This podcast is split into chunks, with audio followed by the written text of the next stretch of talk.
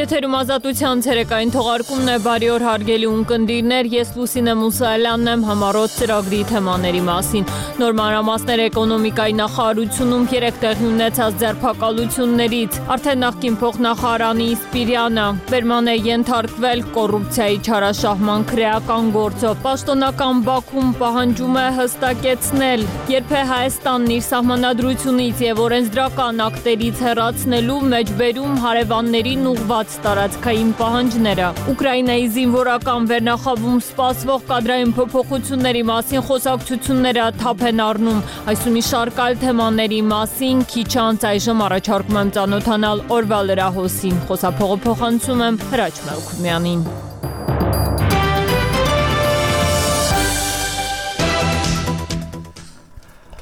Հայաստանն այսօր պաշտոնապես միանում է միջազգային քրեական դատարանին։ Փետրվարի 1-ից Հայաստանի համար ուժի մեջ է մտնում Հռոմի կանոնադրությունը։ Կրեմլի խոսնակ Դմիտրի Պեսկովը այսօր ասել է, որ միջազգային քրեական դատարանին Հայաստանի անդամակցությունը նրա ինքնիշխան իրավունքն է։ Միաժամանակ նա նշել է, որ Ռուսաստանի համար կարևոր է, որ դա բացասաբար չանդրադառնա Մոսկվայի եւ Երևանի հարաբերությունների վրա։ Ադրբեջանի նախագահ Իլհամ Ալիևը այսօր ասել է, թե Ադրբեջանի եւ Հայաստանի միջև դե ֆակտո խաղաղություն կա եւ գործընթացը տրամաբանական ավարտին հասցնելու համար անհրաժեշտ է ստորագրել խաղաղության համաձայնագիրը։ Այսօր Բրյուսելում Եվրամիության գագաթաժողովում հաստատվեց Եվրամիության բյուջեից Ուկրաինային 50 միլիարդ եվրո օգնություն տրամադրելու հարցը։ Այս մասին X սոցցանցում գրել է Եվրոպական խորհրդի նախագահ Շարլ Միշելը, նշելով, որ Եվրամիության անդամ բոլոր 27 երկրների առաջնորդները համաձայնեցրել են այդ հարցը։ Ադրբեջանի զինված ուժերի գեներալները այցելել են Թուրքիա։ Անկարայում նրանց ընդունել է Թուրքիայի պաշտպանության նախարար Յաշար Գյուլերը, հաղորդում է Անադոլու գործակալությունը։ Վրացական երազանքի արտահերթ համագումարում Վրաստանի նախկին վարչապետ Իրաք Լիղարիբաշվիլին այսօր ընտրվեց քաղաքական իշխող ուժի նախագահ։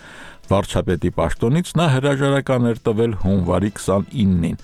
Նոր վարչապետ է առաջադրվել վրացական երազանքի նախկին նախագահ Իրակլի Կոբախիձեն։ Գալիկ Աշնանը Վրաստանում խորհրդարանական ընտրություններ են։ Վրացական երազանքի հիմնադիր միլիարդատեր Բիձինա Իվանիշվիլին վերջերս հայտարարեց քաղաքականություն վերադառնալու մասին եւ դարձավ վրացական երազանքի պատվավոր նախագահը։ Ռուսաստանի նախագահական ընտրությունների նախաշեմին գլխավոր դատախազությունը ոչ ցանկալի կազմակերպություն է ճանաչել ռուսական ընտրական մոնիթոր եվրոպական կենտրոնը։ Պետդումայի հանձնաժողովի ղեկավար ղեկավար Վասիլի Պիսկարիովը ասել է, որ այդ կենտրոնի ինֆորմացիոն հարթակը օգտագործվում է արտասահմանյան լսարանին նախապատրաստելու Ռուսաստանի նախագահական ընտրությունները ոչ լեգիտիմ ճանաչելու համար։ Ռուսաստանում նախագահական ընտրությունները անցկացվելու են մարտի 15-ից 17-ը։ Ալմաթիում մեկնարկում է ԵԱՏՄ միջկառավարական խորհրդի նիստը, որն առաջին միջոցառումն է այդ կառույցը 2024 թվականին Հայաստանի նախագահության շրջանակում։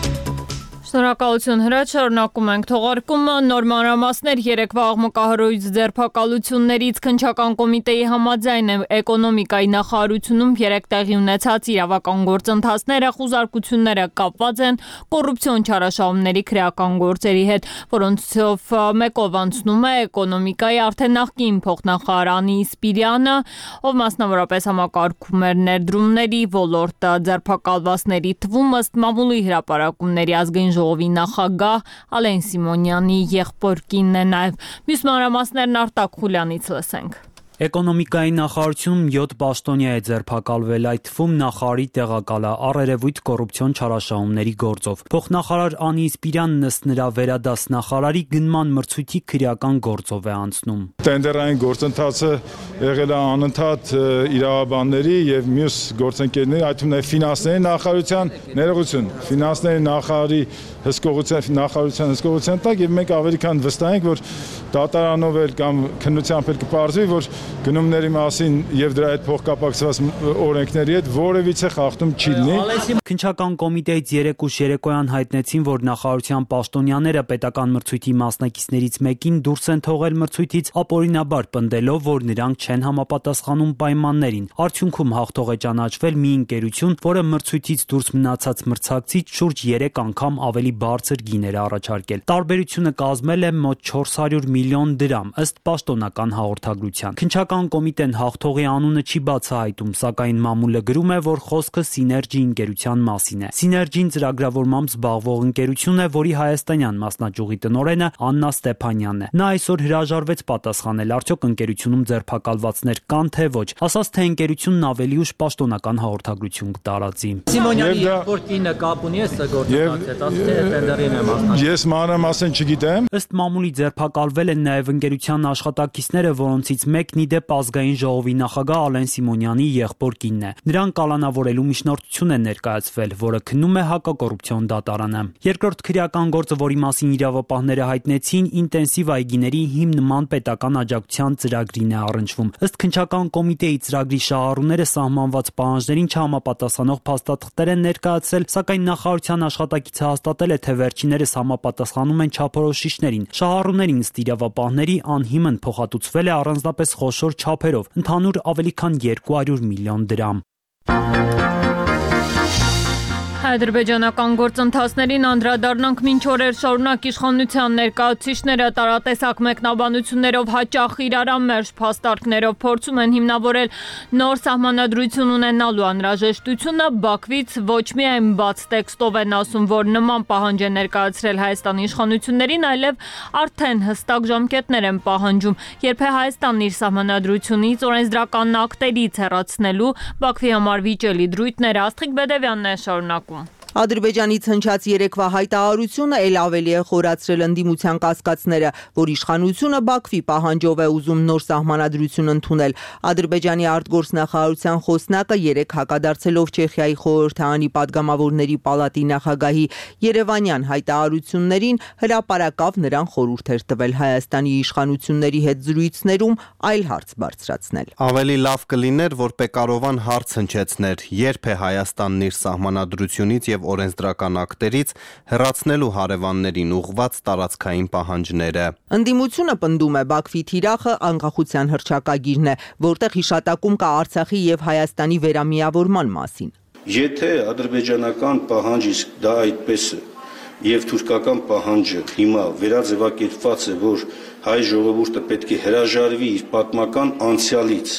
իր անժամանցելի իրավունքներից, նույնիսկ հազար անգամ, եթե դու համոզված ես, որ քո ներքին համոզումով, որ դա լավ բան է, չպետք է անես, որովհետև եթե քո ճշնամու ասածը անում ես, նշանակում է դու ենթարկում ես իր խաղի կանոններին։ Ոչ մի սահմանության սահմանություն ճնշումներով չի կարա եւ չպետք է ընդունվի, որովհետեւ եթե սահմանություն ընդունում են ճնշումներով, ապա մենք ինքնիշխանության հետ կապված որոշակի խնդիրներ ունենք խոսքը ճնշումների մասին չէ։ Տեսեք, ինչ է ընդհանրապես փաստաթղթի նախաբանը ընդհանրապես դրույթներ են, որոնք անհրաժեշտ կարող են լինել որոշակի պայմաններում մեկնաբանելու համար սահմանադրական այս կամ այն նորմը, եթե մեկնաբանության այլ մեթոդները օրինակ հնարավորություն չեն տալիս վերհանել սահմանադրական սահմանադրի իրական կամքը այս կամ այն նորմը նախատեսելիս։ Դաշնակցությունից Արծվիկ Մինասյանն ու քաղաքացիական պայմանագրից Վլադիմիր Վարդանյանն էին։ Իշխանությունը հերքում է թե նման պարտադրանք կա։ Ազգային ժողովի փոխնախագահն անգամ հանրայինի հետ զրույցում տարակուսել էր, որտեղից են ընդդիմադիրները նման ենթադրություն արել։ Սահմանագծման հարցերով Հայաստանի ու Ադրբեջանի հանձնաժողովների Երևանի նիստից հետո կողմերը մանրամասներ չեն հայտնում Երևանում Բաքուն նույն աբովանդակ հաղորդագրությամբ միայն տեղեկացրել են, թե սա երկու երկրների փոխվարչապետերի գլխավորած հանձնաժողովների 6-րդ հանդիպումն էր, որևէ բարձ չկա գլխավոր հարցի քարտեզների ընտրության հետ կապված։ Երևանը հիշեցնենք առաջարկում է խորհրդային ամենաթարմ 1975 թվականի քարտեզը Բաքուն սակայն ընդդիմանում է։ Ընդդիմադիր պատիվ ունեմ խմբակցության քարտուղար ղեկավար Տիգրան Աբրահամյանի կարծիքով կողմերը հերրու են համաձայնությունից Կարլեն Ասլանյանի հարցազրույցը։ Երևանն ու Բաքուն երեկվա հանդիպման մասին միայն հաղորդել են, որ այն կայացել է, այսինքն ստացվում է, որ սահմանագծման հարցով այդ հանձնաժողովը որևէ առաջընթաց չի գրանցել, համաձայնություն ձեռք չի բերվել։ Գիտեք, Հայաստան-Ադրբեջան բանակցությունների թերևս բարթագույն մասը կամ դրույթը վերաբերում է սահմանների դելիմիտացիա դեմարկացիային։ Եթե հաշվի առնենք այն հայտարարությունները, որոնք հնչում են պաշտոնական Բաքվից եւ որոնք հնչում են Երևանից, դրանք ակնհայտ են դարձնում, որ նվազագույնը սկզբունքների առումով եւ առաջին հերթին դրանք քարտեզներն են, որոնք պետք է իրականացվի համանազատման, համանագծման գործընթացը Բաքվի եւ Երևանի միջև կա բավականին խորը հակասություն Երբ որ սրան գումարում ենք նաև վերջին 1-2 ամսվա ընթացքում Ադրբեջանից հնչող բավականին խնդրահարույց հայտարարությունները եւ կոշտացող այդ բառամթերքը,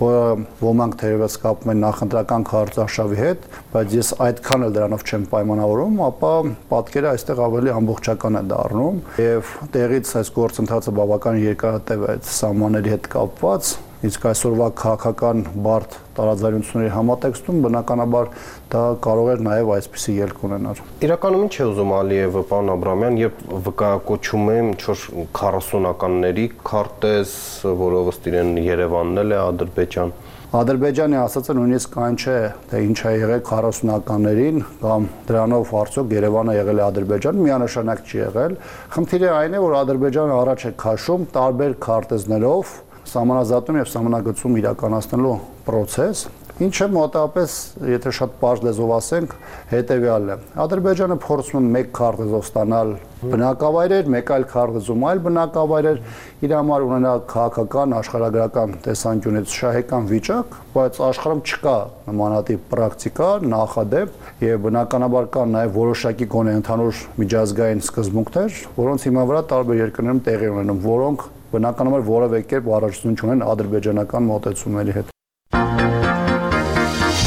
Բաքուն շարունակում է սրել Եվրամիության անդամ երկրների հետ լարված հարաբերությունները ադրբեջանցի պաշտոնյաները նախ Ֆրանսիային էին մեղադրում հակաադրբեջանական քաղաքականության համար անցած օրերին էլ մեղադրանքների տարափնչեց Նիդերլանդների արտգործնախարարի հասցեին, ապա չեղարկվեց նրա այցը Բաքու երեկ էլ Չեխիայի խորհրդարանի ղեկավարի հայտարարությունն է զայրացրել Բաքվին պատժամիջոցներ Ադրբեջանի դեմ Բաքվում ամենևին էլ մտահոգված չեն այդ կապակցությամբ Գևորգ Ստամբոլցյանին լսենք։ Եվրոպայում գործող որոշ ուժեր ոչ մի կերպ չեն կարողանում համակերպվել Ադրբեջանի հաղթանակի հետ այսօր երկրի խորհրդարանի Գարնանային նստաշրջանի մեկնարկին հայտարարում էր խոսնակ Սահիբ Ագաֆարովան։ Միլի մեջլիսի նախագահի խոսքով եվրոպացիների նման պահվածքի ամենավառ դրսևորումը դարձան Եվրոպայի խորհրդի խորհրդարանական վեաժողովում վերջին օրերին ծավալված իրադարձությունները, երբ որոշվեց չհաստատել ադրբեջանցի պատվիրակների լիազորությունները։ Գաֆարովայի համոզմամբ սակայն այդ ադրբեջանական պատվիրակություններ, որ որոշեց դադարեցնել համագործակցությունը եվրոպական այդ կառույցի հետ։ Եվրոպայի խորհրդի խորհրդանական վեաժողովում ադրբեջանական պատվիրակության գործունեությունը որոշվել է դադարեցնել ի պատասխան այն չհիմնավորված ու մտածածին մեղադրանքների, որ հնչում են մեր երկրի հասցեին։ Ադրբեջանի հանդեպ նման կողմնակալ վերաբերմունքի պատճառները հայտնի են։ Եվրոպական որոշ ուժեր չեն կարողանում համակերպվել ադրբեջանական հաղթանակների եւ 44-օրյա պատերազմի ընթացքում մեր ինքնիշխանության կանգնման փաստի հետ դա լուրջ հարված է հարավային Կովկասում ստեղծված նոր իրողություններին հայտարարում էր Գաֆարովան։ Դատելով ադրբեջանական խորհրդանի Գառնանային նստաշրջանի առաջին նիստից արտահերտ նախագահական ընտրություններից 7 օր առաջ Բաքվում որոշել են նոր թափ հաղորդել արևմուտքին ուղված քննադատությանը կրկին Ֆրանսիան հիմնական թիրախ դարձնելով։ Միլի մեջլիսի այսօրվա նիստի ընթացքում այս առումով աչքի ընկավ падգամավոր եւ գրող Ֆրանսիա-Ադրբեջան խորհրդանական խմբի անդամ Ագիլ Աբասը։ Mən çox istərdim Makronu Ադրբեջանա dəvət eləyək։ Ես շատ կուզեի, որ Մակրոնին հրավիրեն Ադրբեջան, թող գա եւ տեսնի, թե հայերն այստեղ ինչպես են ապրում։ Մենք եկեղեցիներն ու սինագոգները չենք քանդում։ Թող Մակրոնը գա ու տեսնի, թե ինչպես են վերանորոգվում Շուշիի եկեղեցիները։ Չնայած, եթե ես նման հնարավորություն ունենայի, ոչ էլ կվերանորոգեի դրանք, անկեղծ անում էր ադրբեջանցի падգամավորը։ Amma Allah mən əlimdə imkan olsa onu təmir eləməzdim. Elə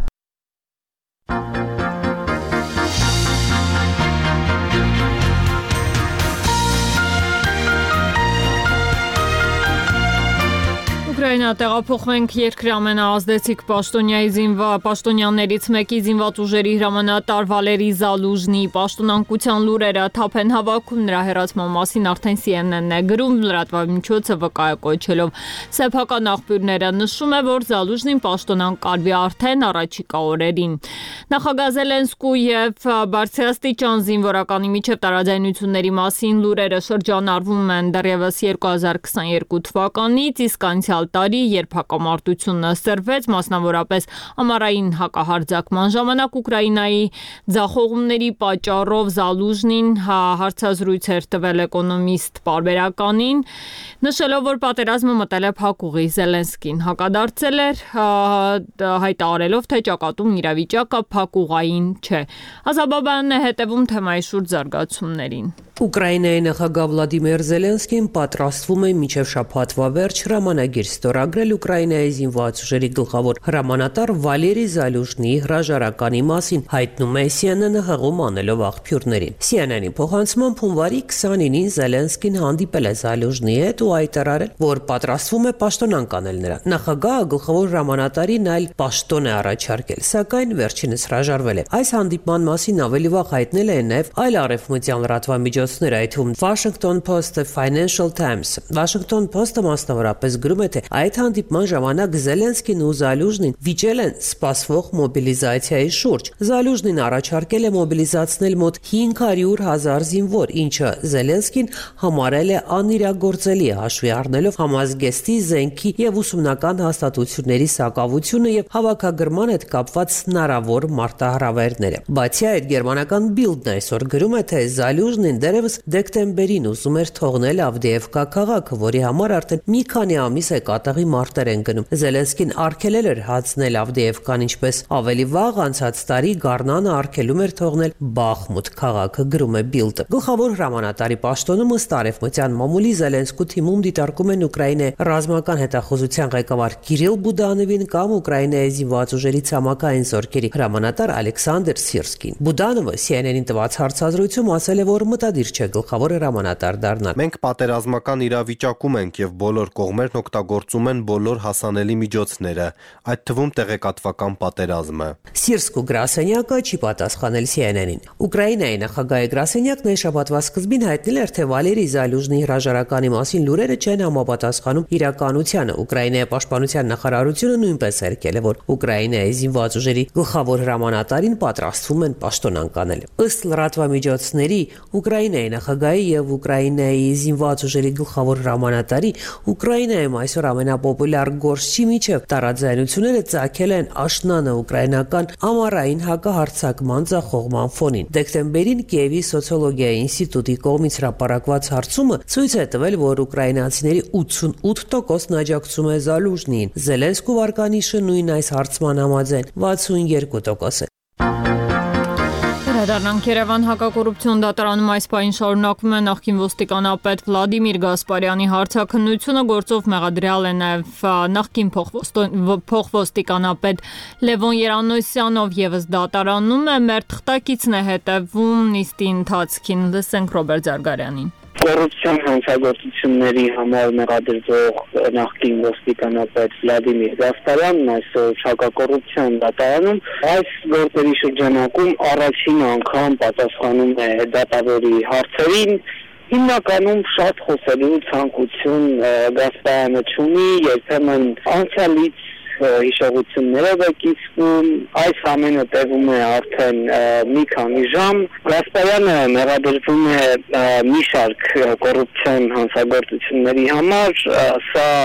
այն գործն է որի շրջանակում բարձվեց որ օրինակ նրա